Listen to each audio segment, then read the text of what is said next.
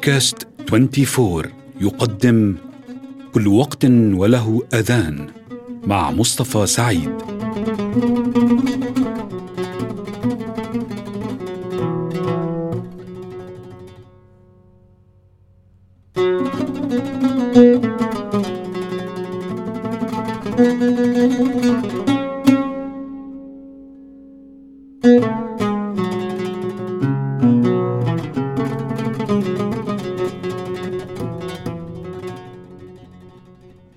أهلا وسهلا بكم أصدقائنا المستمعين في حلقة جديدة من سلسلة كل وقت وله أذان.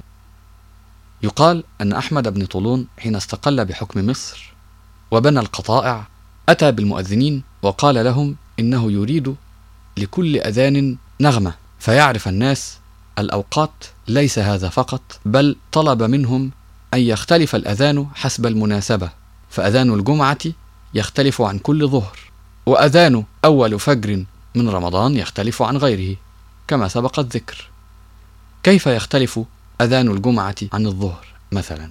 إذا كان أذان الظهر من الدجاة كما قلنا فأذان الجمعة كان من أقصى الدجاة من جواب النغمة.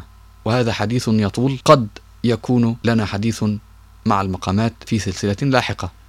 نستمع إلى نموذج نختم به الحلقة مع الشيخ علي محمود سجلته الإذاعة اللاسلكية للحكومة المصرية في جمعة تنصيب الملك فاروق سنة 1936 وهو أذان من محاسن الدنيا نختم به حلقة اليوم.